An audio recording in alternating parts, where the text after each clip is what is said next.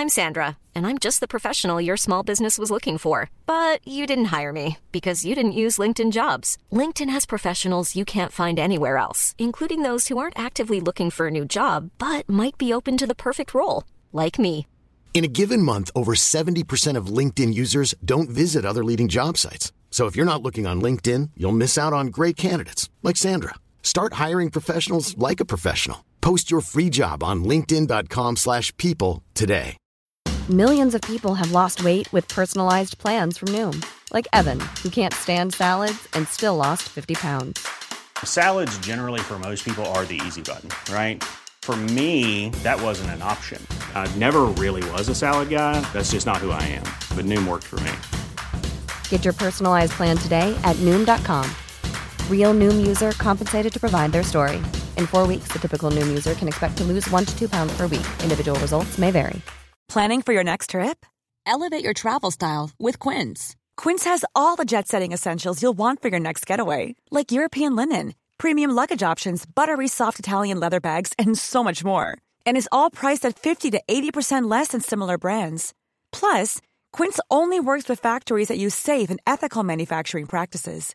Pack your bags with high-quality essentials you'll be wearing for vacations to come with Quince. Go to quince.com slash pack for free shipping and 365-day returns.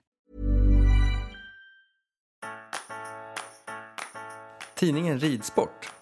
Allt du behöver veta om sport, avel och nyheter. Prenumererar du också.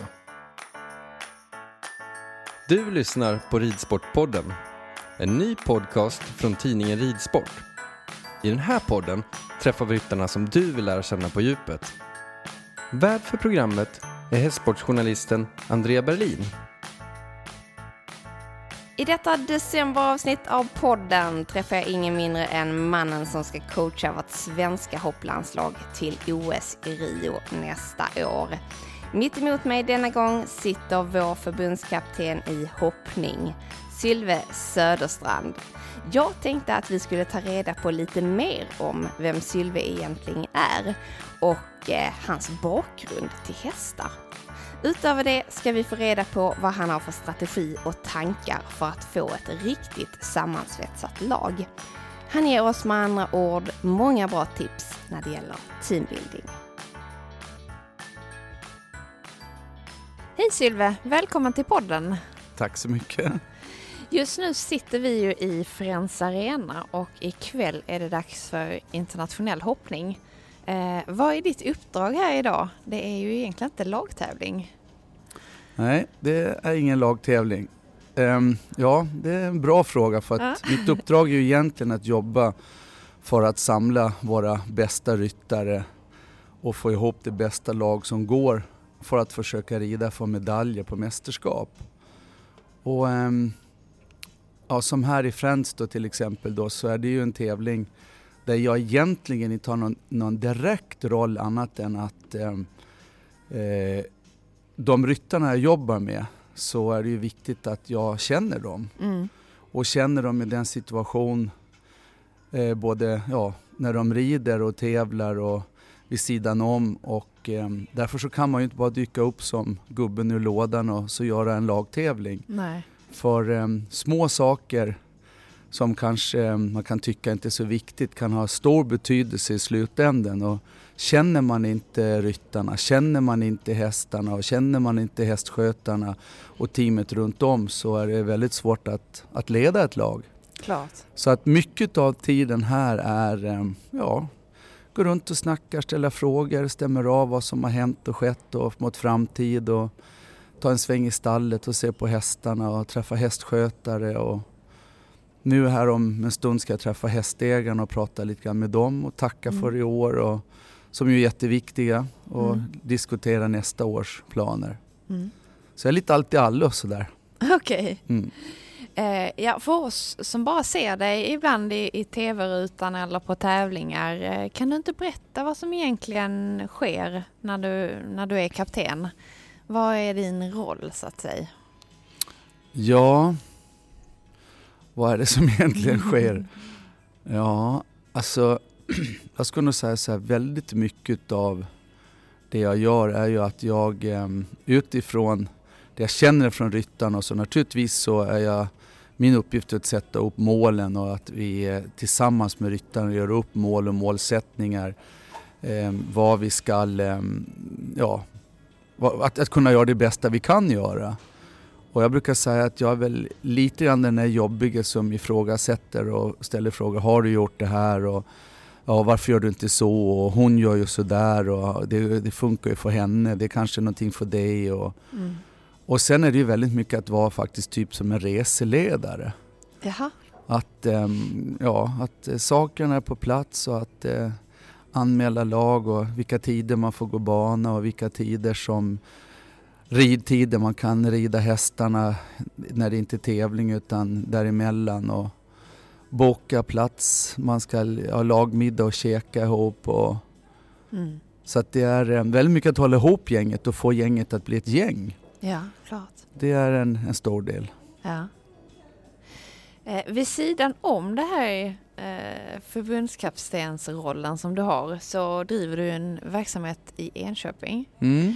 Eh, hur kombinerar du de här rollerna? Alltså nu har jag ju då först en helt fantastisk eh, partner som heter Ivan mm. Eh, som tar ett jättestort ansvar på våran gård. Och eh, den här gården den hade jag ju innan jag började mitt uppdrag. Och jag driver tillsammans med en tjej som heter Lotta Björe så driver vi någonting som heter Jump Club. Mm. Och um, de är ju, utan dem skulle det inte gå för de drar ett väldigt stort lass och gör, gör mycket aktiviteter. Och sen um, är jag ju inte på tävling hela tiden så att uh, man får anpassa det på ett sånt sätt så att jag ser fördelen av att mycket när man är ute, man får inspiration, man är på, på bra tävlingar och ser bra ryttare och bra ridning och som man kan ta med sig hem i hemmamiljön som gör att man själv är jädrigt inspirerad. Mm. Så att eh, det går. Det, det, det, är, det är klart att själva när man är på plats då är det inget problem men idag är ju resandet väldigt krångligt. Efter 11 september, där det fruktansvärda, så um, för det första är det många fler som, som reser idag. Mm. Så det, det är väl en sak som gör att det är jobbigt när man kommer hem. Men inte bara liksom att sätta igång utan man behöver faktiskt lite tid till, till återhämtning. Ja. Mm. Hur började det med hästar egentligen för dig? Det började med att jag har växt upp på en gård på Gotland. Och eh, där vi eh, hade hästar, eller russ och på Gotland heter det baggar. Ja. Och det började med att det var, det var faktiskt enklare att rida till stranden än att cykla till stranden. Yes.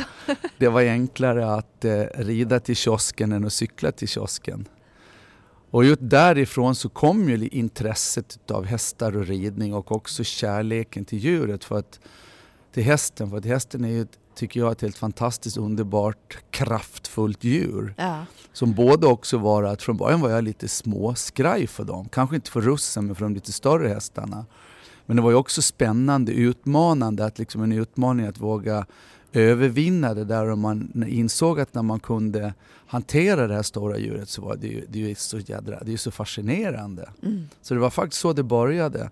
Och sen har jag en eh, kusin, Margareta Larsson, nej förlåt Margareta Högberg, nu heter hon Larsson som eh, var riktig ridnörd och tyckte att ska vi rida var vi tvungna att göra det på rätt sätt. Så hon var ju den som också fick mig att eh, eh, ja, börja förstå mysteriet med ridning, vad man kunde göra och inte göra. Mm. Så på den vägen är det som det börjar. Tillfällighet egentligen verkligen. Det är det? Mm. Ja.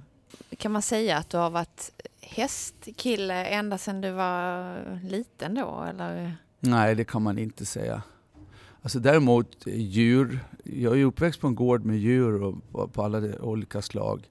Och djuren var ju liksom en, en, del först i lantbruket men också var ju djuren en del utav med både hundar och katter som, ja, jag skulle nog säga att hela familjen var en väldigt stor djurfamilj. Ja. Så att direkt, det var ingen som red utan jag hade släktingar som hade hästar på vår gård och på Gotland så har ju liksom de flesta går omkring russ överallt precis som det går omkring ja, något annat djur. Ja. Så um, nej, det är absolut inte från någon hästig familj och det, det är väl jag den enda som håller på och har hållit på i princip. Ja. Men vad var det som inspirerade dig och för hästarna?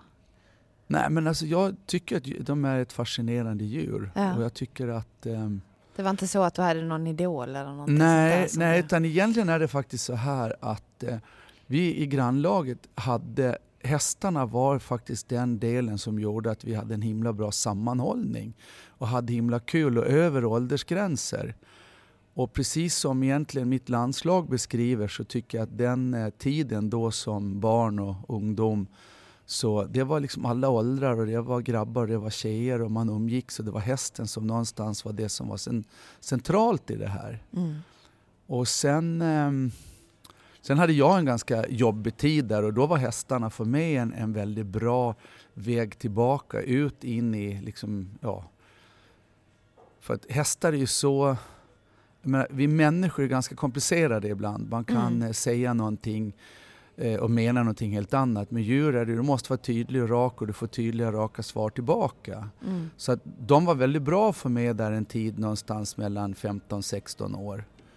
Och sen var det faktiskt så här att det som egentligen satte farten för mig att, att verkligen försöka och, och satsa på ridning, det var ganska sent i, i det var inte som någon tidig junior. Jag red först ponny och var med och tävlade lite upp och det var jag ganska duktig på. Eh, men sen var vi faktiskt i Göteborg ett av de första åren där.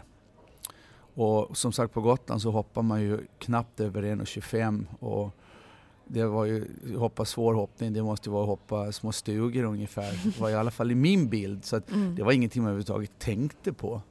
Så kom vi till den här Göteborgstävlingen och det, det första som slog mig när jag kom in så var att jag var så besviken för jag hade ju tänkt mig att de där hindren skulle vara gigantiska. Och det var de ju inte. De var ju stora men så himla stora var de inte. Och sen eh, ja, kom det in en ryttare där som red, som man hade läst de skulle vara så duktig. Och hästen stannade på hinder nummer två och ryttaren ramlade av och tänkte, men gud vad är det här för någonting? Och det skulle liksom ändå vara en jättestor tävling och det skulle vara så... I alla fall tänkte jag, ja men det är nog svårt. Men då på den tiden fanns det en eh, eh australiensisk ryttare som heter Kevin Bacon. Och han eh, hade en häst som hette Chichester, ett fullblod.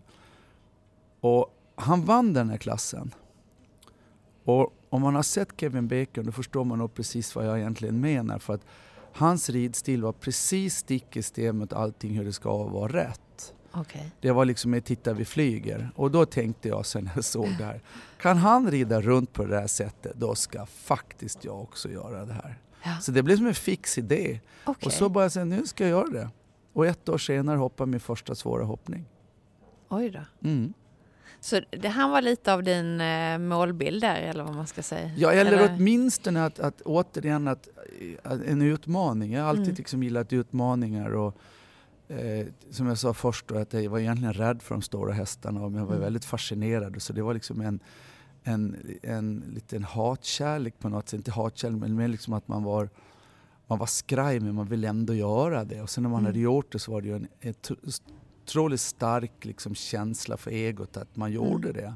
Och det var samma sak här att, att jag hade aldrig tänkt att kunna hoppa en svår hoppning. Och sen gjorde jag det. Och sen var jag bara fast i det.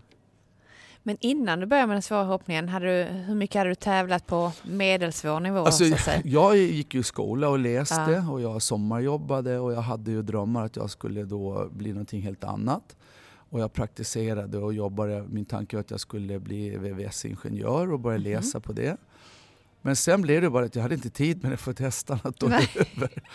Så att, eh, och då red jag och tävlade och jag, hade, jag red in någon häst och lite så för någon granne. Och, men liksom, då var hästarna var mer som en naturligtvis som en hobby men det var mer som liksom en livsstil i den tillvaro. För på Gotland är hästarna, det är väldigt enkelt att ha häst Mm. och det är, man har en helt annan, menar att naturen är lättåtkomlig och du rider på så många olika sätt och man gjorde det då Mm. som man kanske inte gör idag. Man red terräng och man red lite eh, gökutta-ritt ut tidigt på morgonen åt frukost och band hästen i ett träd någonstans. Och, eh, alltså det var så, hästen var liksom en del i det sociala livet och det var också Ja. tävlingen en del. Så det var, det, var, det, var en, det var en väldigt bra början och ett väldigt bra sätt att faktiskt umgås med hästar. Ja. Mm. Men när tog du det där steget och tänkte så här, det är hästar som jag vill satsa på? Ja, men det var väl då där när jag märkte att det gick och sen var det en, eh, en, en, en hingsthållare här uppe i som då som bodde på Gotland, som bodde på fastlandet. Mm. Nils-Gunnar Hansson, Askö stuteri. Han hade en hingst som han tyckte att jag skulle rida då. Och det gjorde jag. Och sen sa han, du kan ju inte bo på Gotland, det går ju inte. Utan, men om du ska hålla på med det, du måste liksom göra en satsning, du kan ju inte bo där. Så att, det var faktiskt han som mer eller mindre ja, såg till så att jag fick träffa dem vid Enköpings ridklubb och kom dit. Och vi eh, fick kontakt och så till slut så ja, började jag jobba där som ridskolechef och det var då tävlandet tog fart. Okay. Och då under den tiden så, eh, både som tränare och som, som ryttare själv. Och i den klubben så var jag med om en helt fantastiskt rolig egen personlig utveckling. Mm. Både som eh, ledare och även ja, som ryttare. Mm. Så att ja, där gick, jag var väl där i lite drygt, jag tror 15-16 år. Och under den tiden så i klubben så var vi vann vi ponnyallsvenska, vi vann ridsportsallsvenska. Det är flera elever som red EM både för ponny, junior och young rider. Och jag själv var med och tog faktiskt några SM-medaljer också. Så att, um, det var också en väldigt bra tid. Nästa steg ja. så att säga från det man lämnade Gotland. Ja, det förstår jag. Mm. Men för att bli en framgångsrik förbundskapten så måste det väl krävas en uh, utbildning i alla fall, eller är det erfarenheter, eller hur, hur börjar det?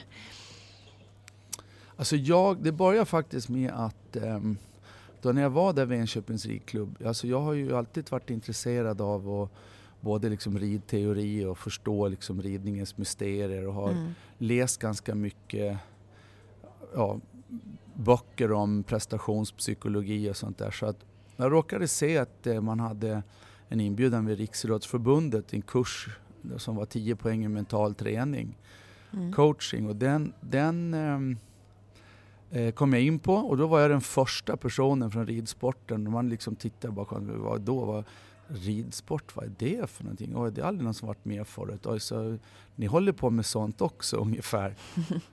Och det var faktiskt det som var början. Där man, ehm, och sen använde jag ju det väldigt mycket då till de eleverna som jag höll på med, eller som jag tränade då i min klubb.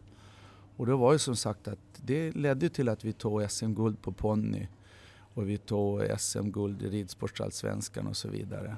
Och egentligen är det ingen större skillnad att coacha ett klubblag eller ett distriktslag mot ett landslag. Där. Det, är, det är väldigt mycket likheter ja. egentligen. Ja. Strategin är densamma? Liksom. Ja, förutsättning nummer ett är att du har bra hästar och bra ryttare. Ja, klart. Utan det så är det inte så lätt. Men det måste ha hänt en del sedan dess. Ehm, och hur ser du själv på utvecklingen? Jag kan tänka mig att både coaching och strategi och sånt där förändras under vägen. Ehm. Alltså det är ju två helt olika världar och ändå är det mm. inte så himla länge sedan. Jag tror att jag och Malin Bajard, vi har jobbat tillsammans i lag i 22 år tror jag det är. Till är det så länge? Ja. Oj. Så vår första lagtävling vi gjorde ihop, då var hennes första år som junior. Då red hon en häst som hette Liberty och hade väl året innan blivit Europamästare på ponny. Och um, om man ser då den tiden, för då red jag och tävlade själv. Det var ju liksom min mest aktiva tid som ryttare då. Mm.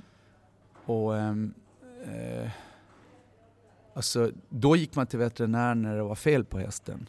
Idag går man till veterinär för att förebygga fel. Mm. Alltså det är en helt annan eh, professionalism i sporten.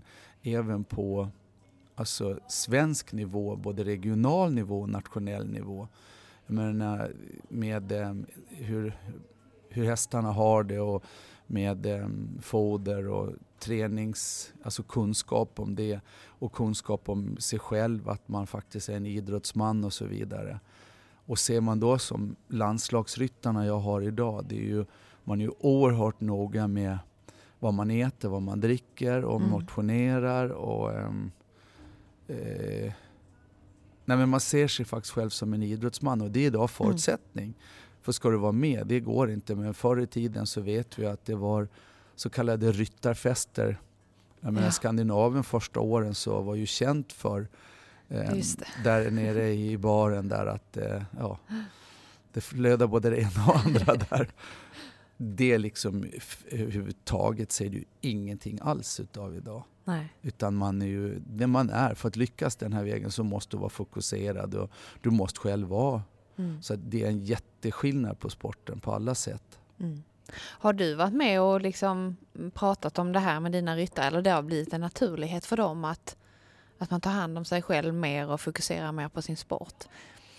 Alltså det är klart, jag har ju naturligtvis har varit en del utav, jag ska nog också säga att jag tror att Sverige har, det jobb vi har gjort, så tror jag också att vi har varit ett litet ehm, eh, föregång, eller förebild för många andra länder. Mm. Att mm, då när vi ja, gjorde våran satsning här att verkligen från det att jag jobbade med juniorer i Young Rider och skulle gå vidare till em, seniorerna så em, eh, hade inte Sverige tagit, jag tror det var, vi hade inte tagit en medalj på seniormästerskap på 73 år.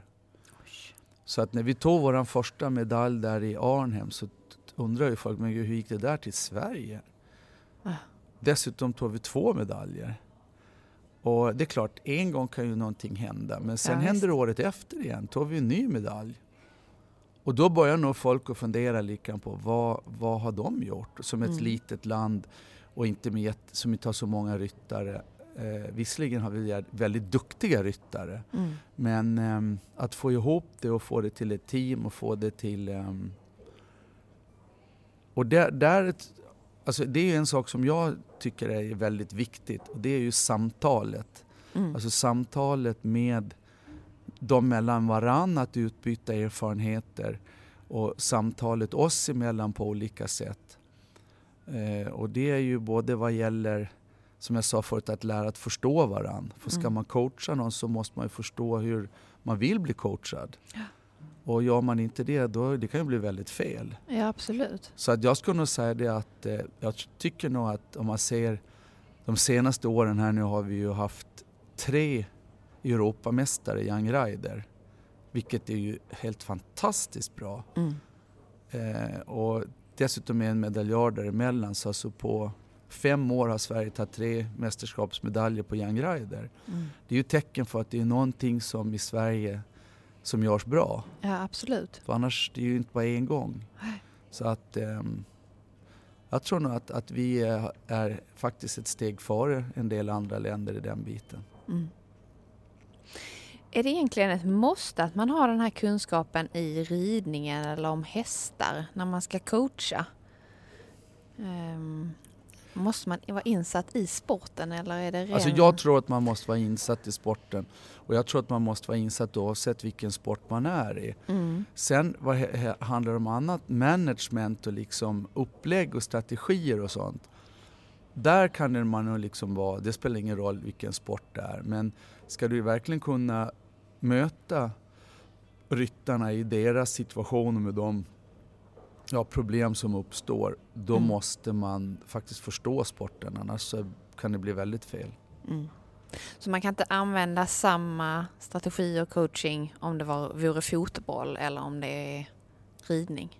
Nej, jag tror inte det, utan för Nej. mig är fotboll en helt annan värld. Ja. Sen däremot så tror jag säkert att man, att man kan, alltså våra erfarenheter som man jobbar är, är säkert skulle fungera hur bra som helst i ett företag. Ja. Vad handlar om att, det handlar om att få ett team att dra åt samma håll Mm. och där varje länk måste vara lika stark. Mm. Har du en svag länk så håller inte kedjan ihop i alla fall. Nej.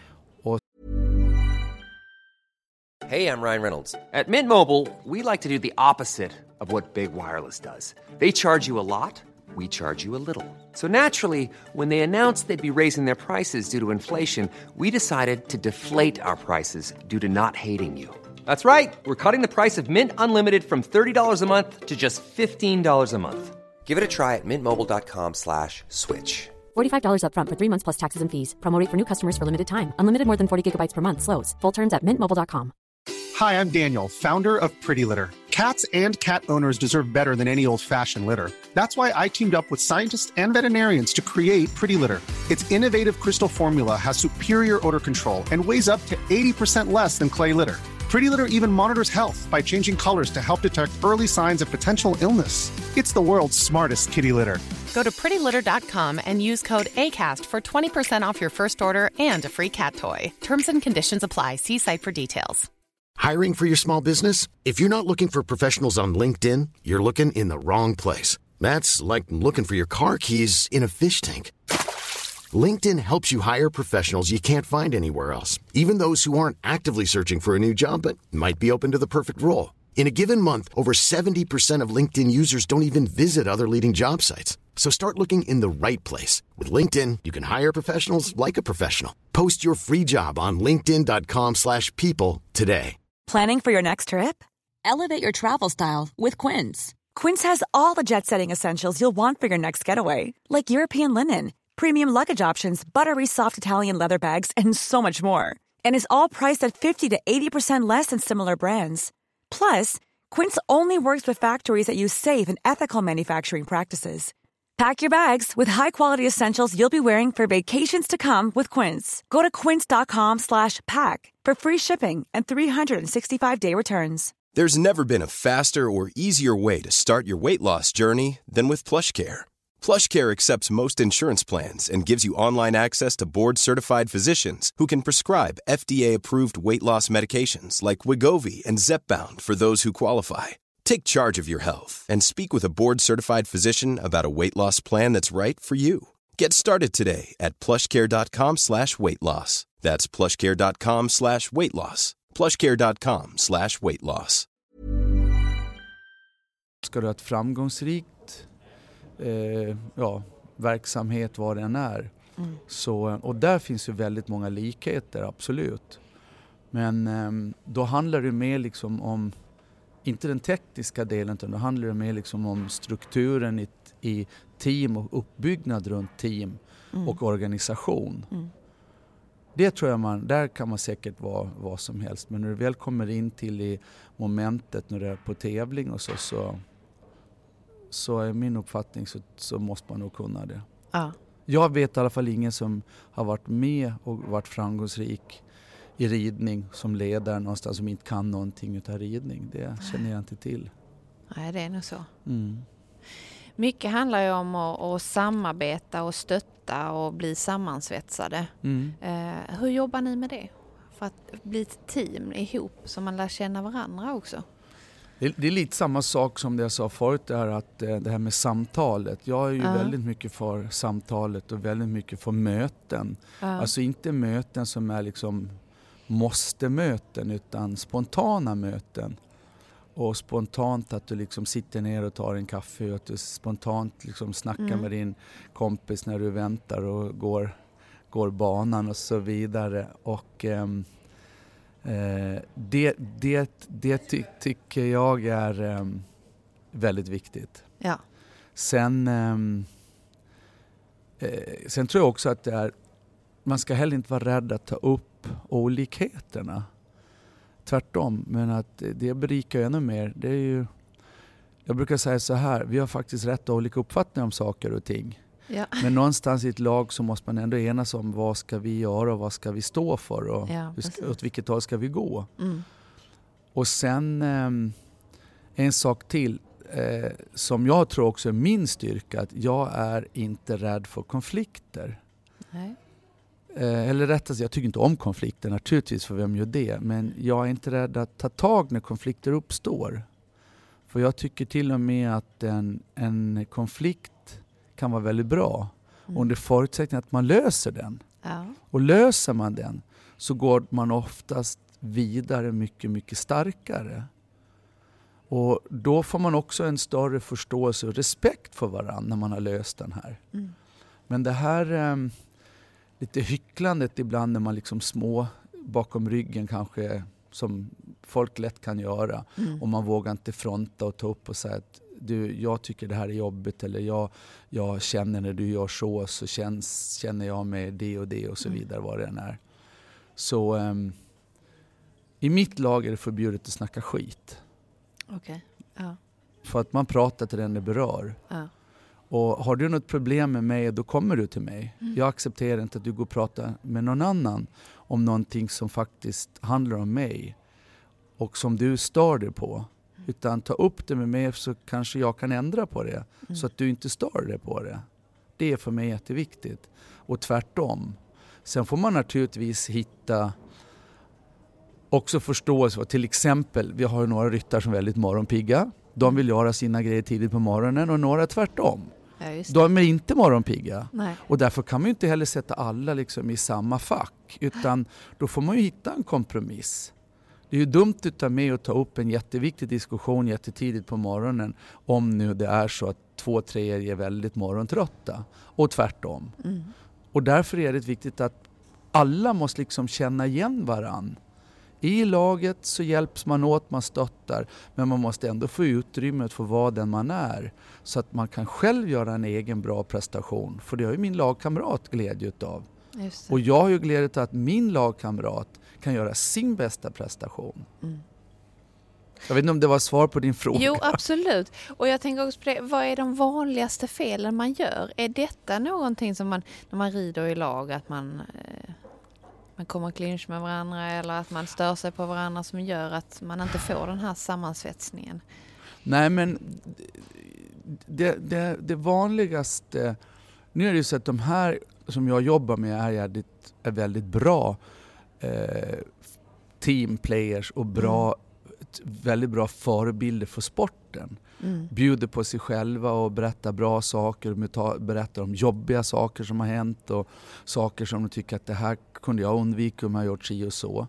Men eh, en, en vanlig sak är ju till exempel om det är någon som aldrig passar tiden. Mm. Det är ju väldigt irriterande för allihop och det är en sån där Ja, enkel liten sak. Är man ett lag, då får man faktiskt, har man bestämt en tid, då får man se till att man är där. Mm. Och det är klart, sen kan det hända saker att man inte, ja, någon gång, det är en, en grej, men om man liksom jämt kommer för sent, det är en sån sak som heller, det är ju liksom en lagkod. Det finns ju vissa koder, har vi bestämt att vi ska göra det och det, då gör man det. Och har vi kommit fram till att vi ska ehm, eh, åka på den här eh, platsen och träna laget innan vi åker, då åker vi dit allihop. Och inte att jag ändrar mig dagen innan, nej jag kom på att vi gör det här istället. Nej. Så det är vissa saker som man måste committa sig med. Är, det, är det du som lagkapten då som känner att du styr ihop dem och får liksom ta tag i just sådana här problem då? Det är ju mitt jobb, ja, Ja. absolut.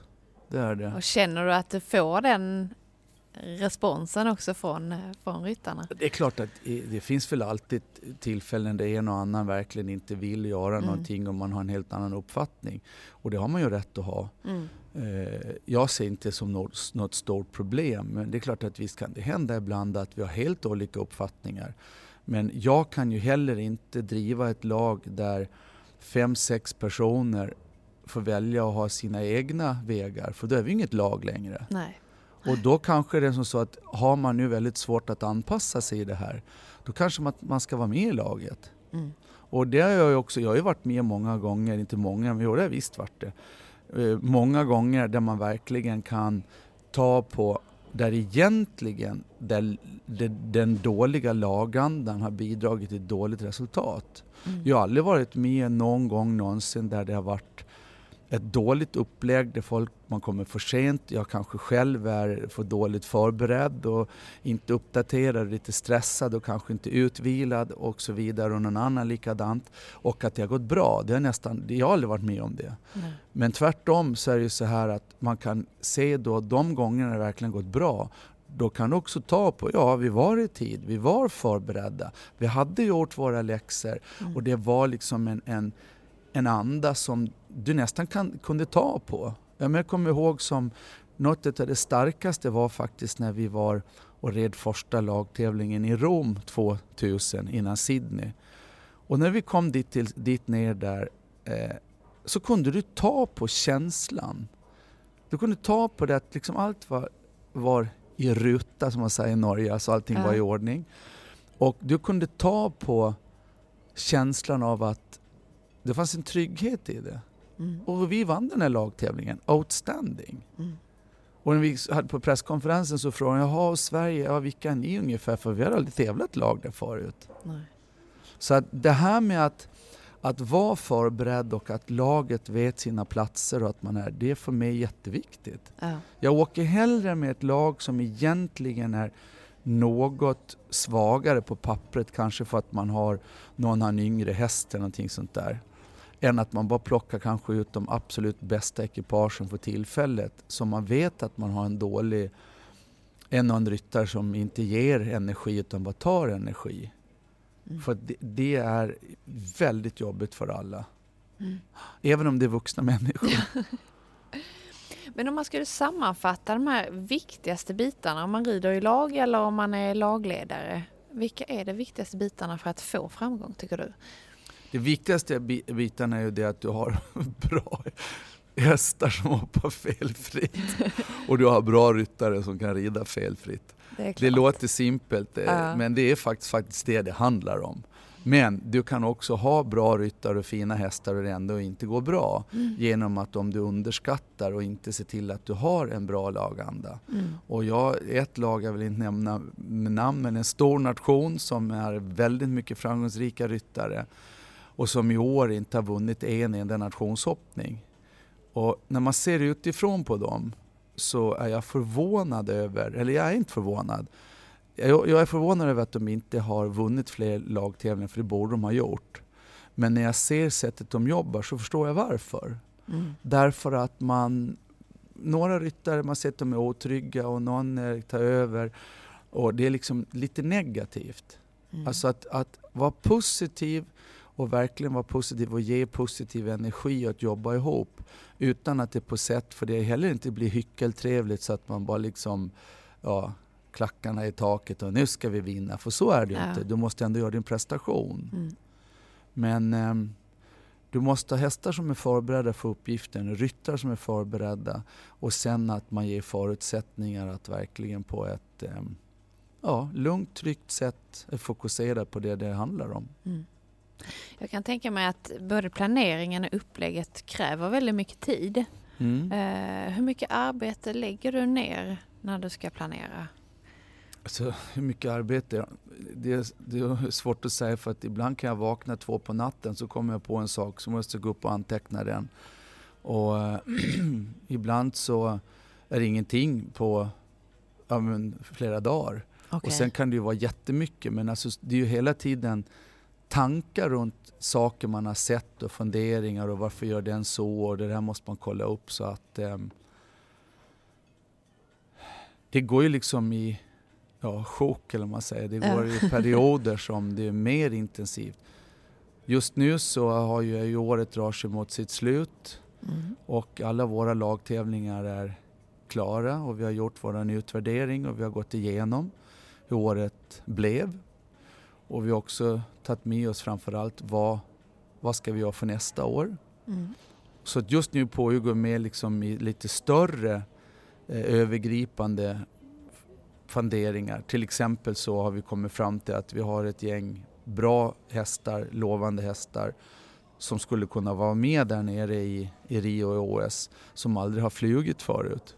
Okej. Och de har vi ju tänkt att vi ska försöka nu då att få iväg till en nationstävling i USA så att vi har gjort den här flygresan. Nej men det är Det det är som en checklista. Man får, som, som Ja. piloterna får checka av. Har vi det gjort det, det, det, det. Plus vad kan vi göra mer för att ta nästa steg? Och så ligger det lite i dina tankar hela tiden att du, Mm.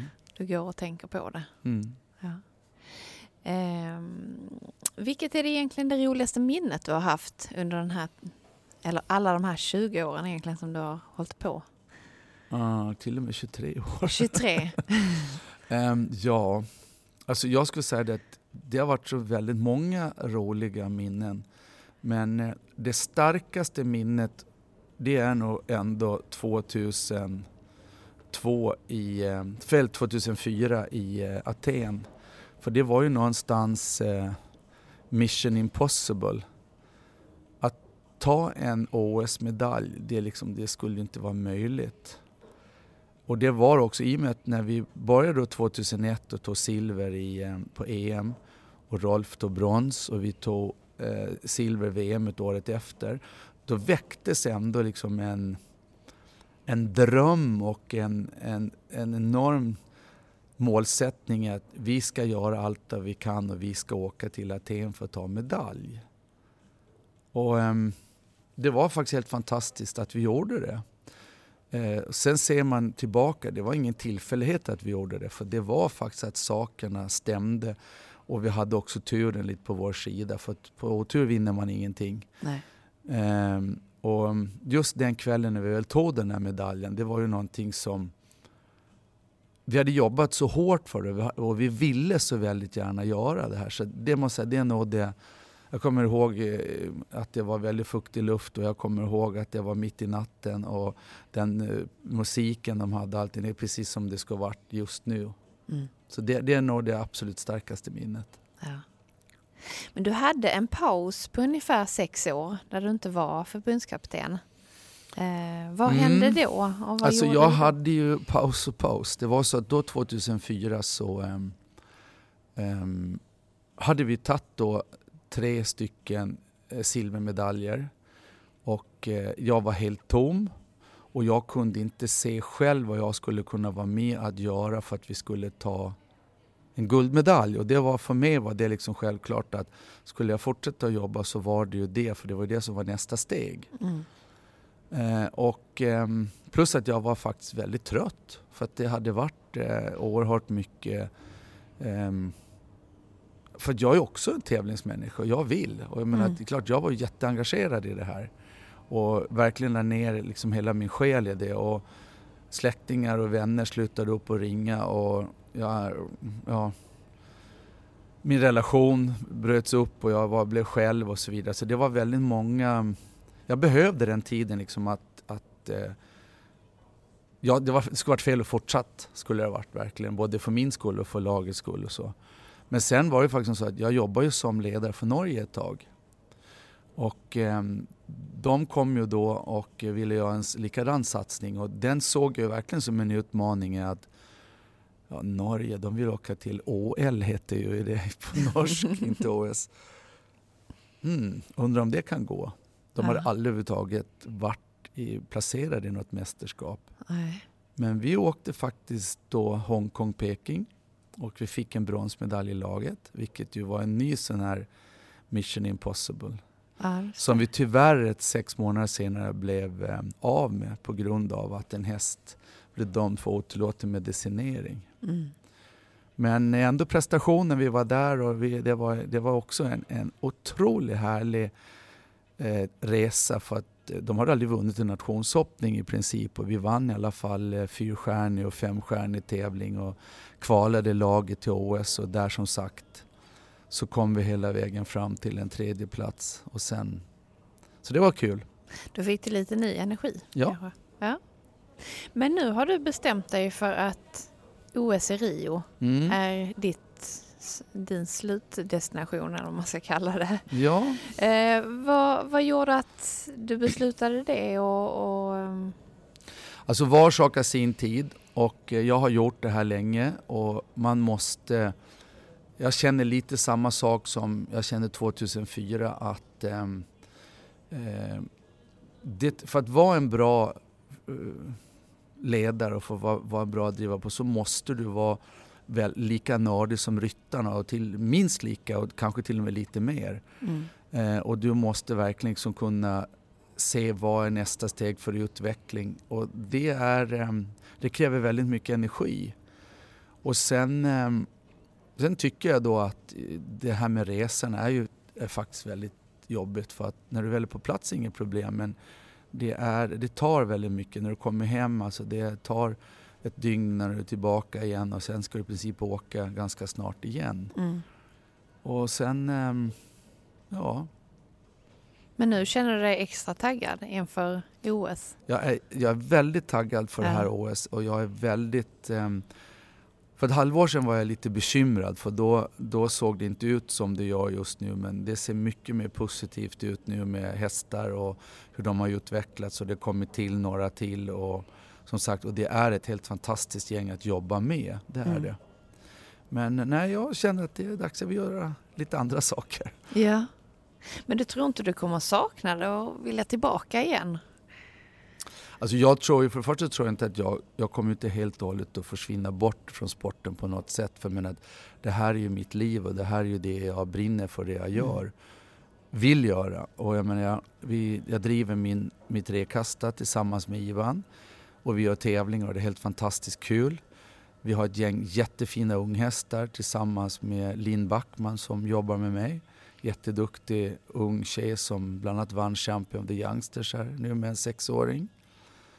Um, och sen um, ja, lite andra små saker så att uh, jag ska nog få dagarna att gå ändå men jag kommer ju absolut på något sätt att vara kvar i sporten även på ett annat sätt än bara för min egen del utan jag är också från och med nu involverad i, det ska bli en stor tävling i Elmia. Mm. Och där är meningen att jag ska kliva in och vara med och jobba med fullt ut från 2017. Okay. Nu 2016 så är det OS som är mitt fokus och det är jag vill att när tävlingen är klar då ska diskussionen vara att vi gjorde det och det och så här blev resultatet och inte säga att vi skulle ha gjort för då har vi inte gjort förberedelserna på rätt sätt. Nej, just det. Är det något speciellt som lockar dig nu i framtiden som du vill göra? Alltså jag tycker ju att det här med undervisning och träning som jag ju har gjort eh, hela mitt liv och det är där jag började mm. med det hela. Tycker jag ju är enormt roligt och väldigt privilegierat för att man får träffa väldigt härliga människor. Man får jobba med positiva människor mm. och man får jobba med hästar som faktiskt är det, det finaste. Ja. Har du någon speciell dröm som du Alltså jag tycker ju att jag faktiskt lever i en dröm. Det gör du? Ja. Jag tycker faktiskt att jag har, um, jag har en, en helt fantastisk tillvaro. Jag skulle inte vilja byta ut en enda bit. Nej. Utav allt det positiva. Sen naturligtvis finns det saker, men det är ju så med allting. Men det här med att, att få... Jag har, ju fått, jag har ju sett hela världen på grund utav, tack vare hästarna. Mm.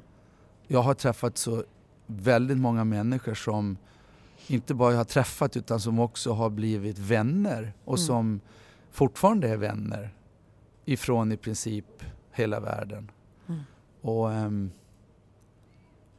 Nej, jag måste säga jag, jag tycker att det faktiskt jag har ett perfekt tillvaro. Men du håller på med hästar och rider även dagligen vid sidan om? Jag har som sagt, vi har ju unghästar hemma och mm. efter EM så bestämde vi, jag har inte ridit på flera år riktigt utan i och med att man far fram och tillbaka på olika ställen. Eh, och sen tycker jag att jag börjar bli för tjock så jag behöver motionera och hitta liksom ingen inspirerande sätt. Och eh, då har jag börjat rida igen och det är jättekul mm. och det är fruktansvärt jobbigt. Och det är en jättebra motion och sen, jag kan faktiskt rida och då är det ju dumt att inte använda det. Mm. Så jag kan dessutom vara lite hjälp med de hästar vi har hemma. Så att, eh, är det hoppningen eller dressyr då? Nej, nej, det är, alltså hoppar så jag inte på det sättet. Men eh, jag eh, rider dem lite ut i skogen, lite konditionsträning och lite grann dressyrarbete. Skolar dem lite sådär vid bommar och små hinder och lite sådär. Ja. Mm. Så om eh, några år så kanske vi får se dig här i eh, Friends på, på kändishoppningen om du saknar det för mycket? Jag skulle nog inte tro det att eh, jag ska rida någon kändishoppning. Nej, det tror jag inte. det tror du inte? Okej Silver, jag tackar så jättemycket för att jag har fått träffa dig här och vi har fått utbyta de här intressanta frågorna tillsammans. Tack så mycket. Tack själv. Tack. Vi vill jättegärna veta vem du vill att vi ska träffa nästa gång och vad vi ska prata om. Maila till oss på podden snabela tidningenridsport.se Programmet producerades av Lavaletto. Tidningen Ridsport. Allt du behöver veta om sport, avel och nyheter prenumererar du också.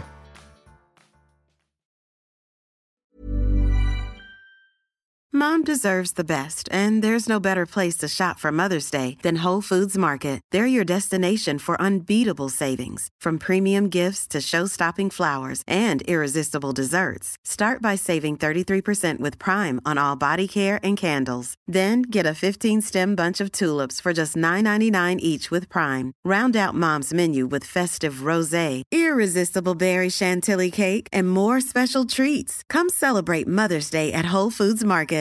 Imagine the softest sheets you've ever felt. Now imagine them getting even softer over time. That's what you'll feel with Bowl and Branch's organic cotton sheets. In a recent customer survey, 96% replied that Bowl and Branch sheets get softer with every wash. Start getting your best night's sleep in these sheets that get softer and softer for years to come. Try their sheets with a 30-night guarantee. Plus, get 15% off your first order at bowlandbranch.com. Code BUTTERY. Exclusions apply. See site for details. Even when we're on a budget, we still deserve nice things. Quince is a place to scoop up stunning high-end goods for 50 to 80% less than similar brands. They have buttery soft cashmere sweaters starting at $50, luxurious Italian leather bags, and so much more.